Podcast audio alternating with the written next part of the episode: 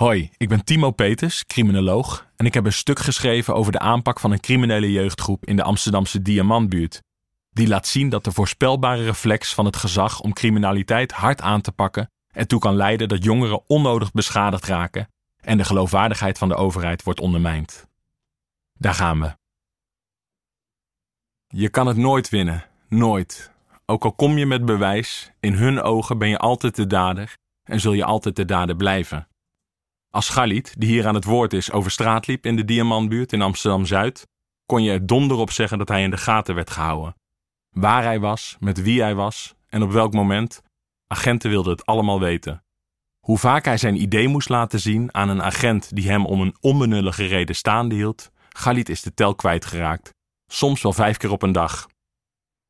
En dan waren er nog de duizenden euro's die hij kwijt was aan boetes voor brommenrijden zonder helm, fout parkeren en samenscholen op de verkeerde plek, klein bier. En het feit dat hij zonder duidelijke reden terechtkwam op de top 600, een lijst van 600 Amsterdamse criminele veelplegers.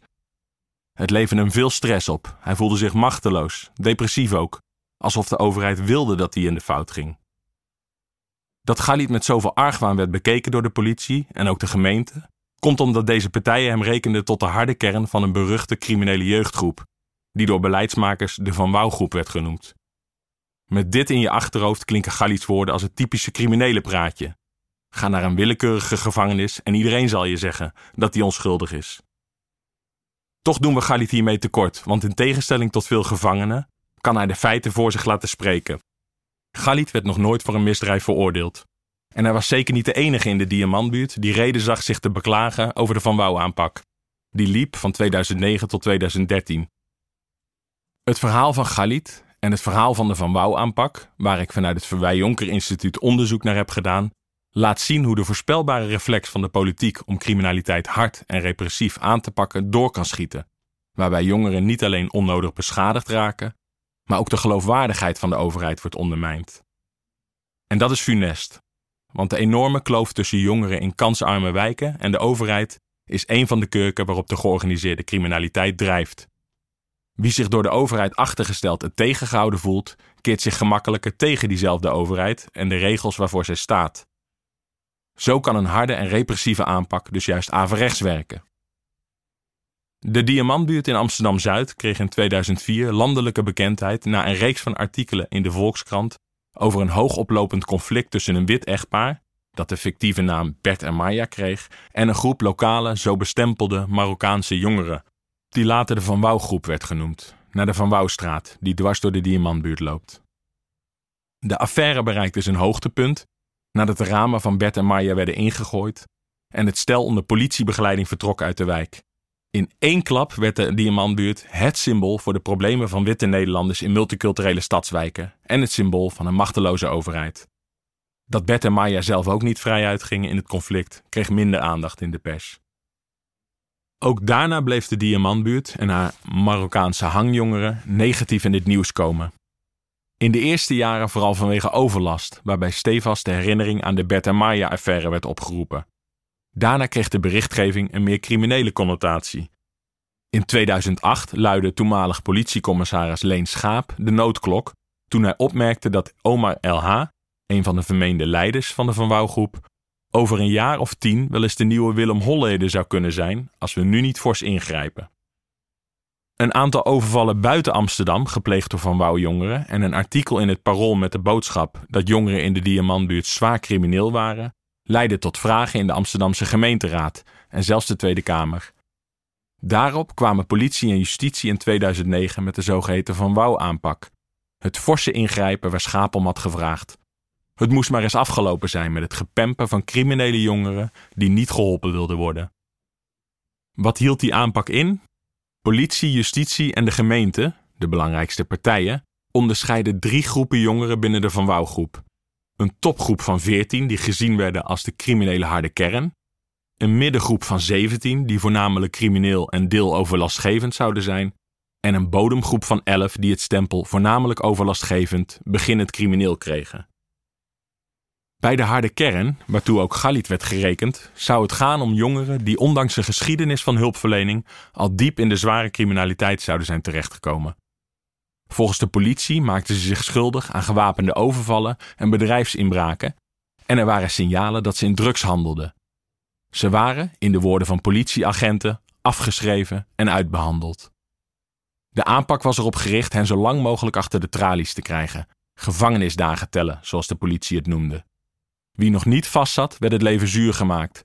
Cameratoezicht, preventief fouilleren, samenscholingsverboden, boetes, een aanpak die very irritating policing wordt genoemd. Het stadsdeel Zuid liep mee in de strenge pas door in 2010 te stoppen met zorg en hulpverlening aan deze jongeren, waarvan de meeste bij de start van de aanpak tussen de 19 en de 22 jaar waren. Jongerenwerkers en straathoekwerkers, betaald door de gemeente, werden geacht het contact met hen te verbreken. De aanpak van de middengroep was veel van hetzelfde. Ze waren, in de woorden van de toenmalig wijkagent, al te veel besmet met het virus van dure kleding, scheid hebben aan alles, kijk mij eens, intimidatie. Hulp werd in eerste instantie nog wel aangeboden, maar meer als laatste stuiptrekking, vanuit het gevoel een inspanningsverplichting te hebben. Hoe anders was de energie bij de bodemgroep, volgens de wijkagent jonge jongens, waarvan je het gevoel had dat je die moest beschermen, waarvan je koste wat kost moest zorgen dat ze niet doorgroeiden. Een preventieve aanpak dus, waarin bijvoorbeeld risicojongeren gekoppeld werden aan een rolmodel en er ingezet werd op talentontwikkeling. De harde lijn die de Van Wouw aanpak trok tussen jongeren die nog wel te redden waren en die niet meer te redden waren, kon op veel instemming rekenen. Woorden van Mark Rutte, destijds nog oppositieleider, in een verkiezingspotje van de VVD uit 2009 laten de stand van het land zien. Neem de Diamantbuurt in Amsterdam. Wat je daar ziet is dat mensen worden weggetreiterd. Een groep van Marokkaanse jongeren, gewoon tuig dat bezig is daar het leven onleefbaar te maken, daar wordt niet tegen opgetreden. De politie wil wel, maar ze krijgen de steun niet van het stadsbestuur. Dat soort dingen zijn wij in Nederland normaal gaan vinden en ik vind ze abnormaal. Aldus Rutte. Tuig keihard aanpakken. Het is een voorspelbare reflex van rechtse zero-tolerance politici die ook op links steeds meer gemeengoed is geworden. Rutte's woorden wijzen daarnaast op een fenomeen dat ook nu nog nauw verwant is aan de politieke hang naar repressie, de neiging zondebokken aan te wijzen. Dat zorgt ervoor dat repressie vooral neerdaalt op bepaalde burgers in bepaalde buurten. In dat politieke klimaat ging de Van Wouw-aanpak van start, om uiteindelijk vier jaar te duren. De keuzes die daarin werden gemaakt hadden grote impact op de doelgroep. Hadden ze zich maar moeten gedragen, toch? Niet helemaal, want bij het bestuderen van de justitiële documentatie over de Van Wouwgroep kwam een opmerkelijk feit naar boven. 9 van de 14 jongeren die tezamen de criminele harde kern van de Van Wouwgroep zouden vormen, de zogenaamde uitbehandelde en afgeschrevenen, bleken bij de start van de aanpak in 2009 nog nooit voor een misdrijf veroordeeld te zijn. Voor de beeldvorming, acht van hen werden ook in de 12 jaar erna nooit veroordeeld voor een misdrijf. Het verhaal van Galit, die tot de harde kern werd gerekend, ondanks dat straathoekwerkers de politie ervan probeerden te overtuigen dat hij zich niet met criminaliteit bezighield, spreekt wat dat betreft boekdelen. Een kat-en-muisspel dat niet viel te winnen, typeerde Galit de relatie met de politie. Er waren agenten die hem persoonlijk kwamen vertellen dat ze alles op alles zouden zetten om hem achter de tralies te krijgen. En waarom? Volgens Galit omdat hij wel eens werd gezien met jongens van wie hij wist dat ze fout bezig waren. Hij zegt: Er hoeft maar één keer een foto geschoten te worden, wat heel vaak is gebeurd, en je mag hoog of laag springen, maar je hoort erbij.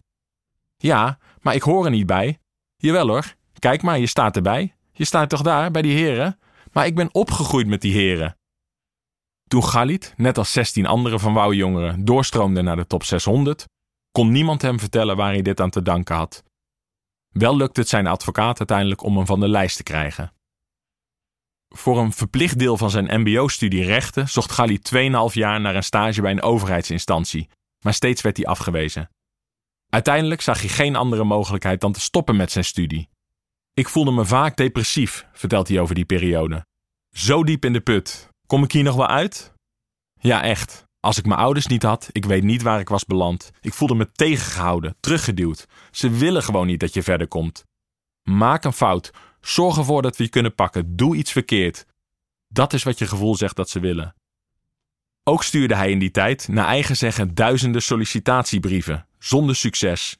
Iets wat hij, terecht of onterecht, toeschreef aan de politie en de gemeente. Hij zegt: Ik solliciteerde, ik werd afgewezen en het eerste wat ik denk is: het komt door hun. Misschien komt het niet door hun, maar in mijn hoofd is dat wel het geval.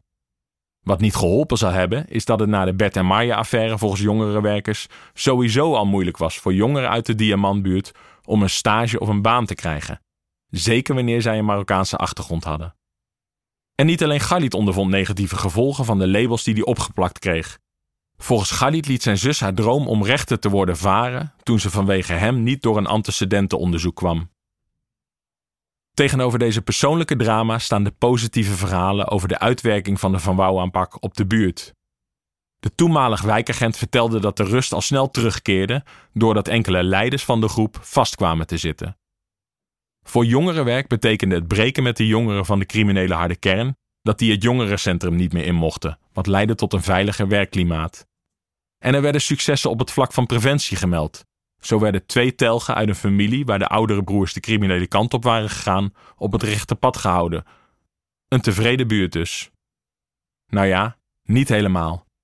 Cultureel antropoloog Anouk de Koning deed in 2011 en 2012, vlak voordat de aanpak werd beëindigd, veldwerk in de Diamantbuurt, waar ze sprak met verschillende jongeren met een Marokkaanse achtergrond.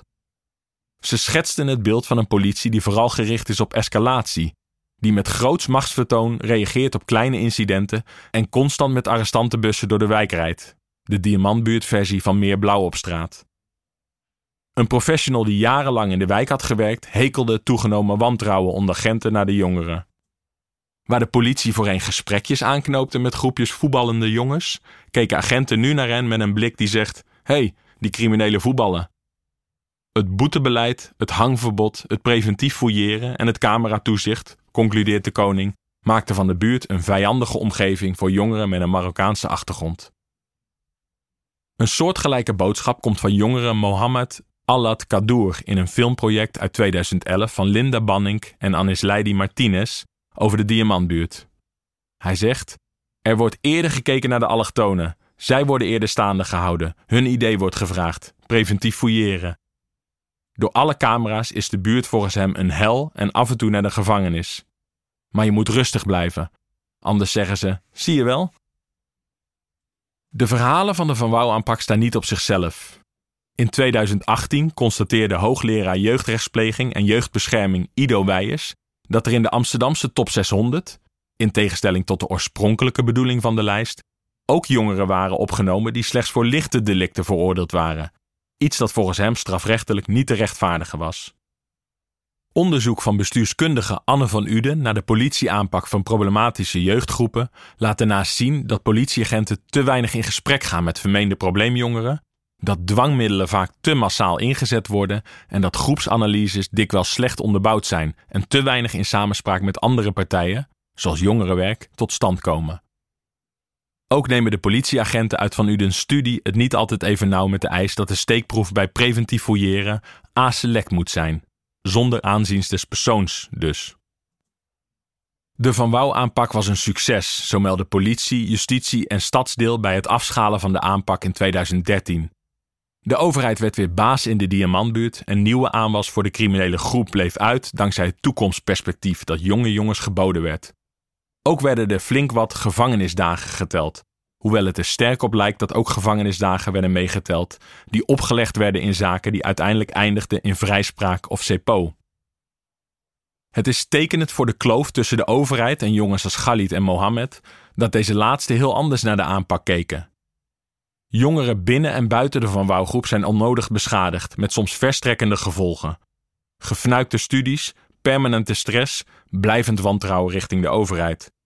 Het is schade die bovendien niet op zichzelf staat, maar past in het zondebokdenken. Dit is extra wrang omdat het om jongeren gaat die, zoals een jongerenwerker zei, al 2-0 achter staan in het leven omdat ze uit de diamantbuurt komen. Zo'n behandeling van zo bestempelde risicojongeren blijkt bovendien contraproductief. Galit geeft aan dat ze als dieren werden behandeld door de agenten en dat sommige van de jongens zich daarom ook als dieren gingen gedragen naar de agenten toe. En dat gedrag lokte ook weer reacties uit. Door de bedreigingen en treiteringen vanuit de Van Wouw-groep ontstonden er volgens de plaatsvervangend districtchef twee stromingen binnen het wijkteam. Agenten die met de lange lat de buurt in wilden om ze verrot te slaan en agenten die er simpelweg niet meer naartoe wilden.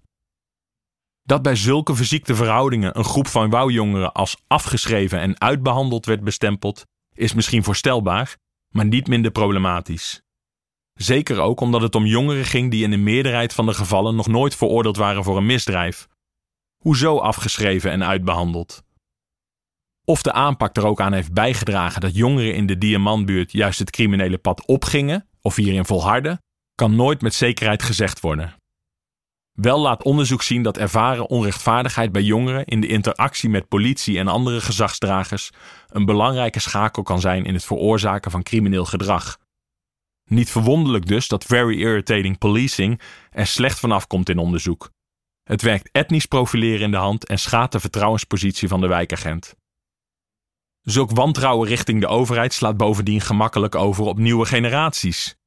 In de studie van Anouk de Koning merkt een jongerenwerker op dat jongeren in de Diamantbuurt opgroeien met een buitengewoon negatieve kijk op de politie. Iets dat deels te wijten was aan de verhalen die in de buurt circuleerden over buitensporig politieoptreden.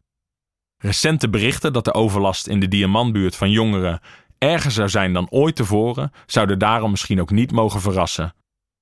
Het is voor het eerst dat ik een 14-jarige met een molotovcocktail door de straat zie lopen. Al dus een wijkbewoner. Dat het met sommige jongen in de Diamantbuurt flink mis is gegaan, betwist ik niet. Wat ik heb willen laten zien is dat de overheid in reactie op de problemen in de Diamantbuurt en de hype eromheen doorschoot in haar aanpak. Door een aantal jongeren veel te gemakkelijk af te schrijven, om daar vervolgens een keiharde aanpak op los te laten, en daarnaast een veel grotere groep jongeren in de Diamantbuurt van zich te vervreemden.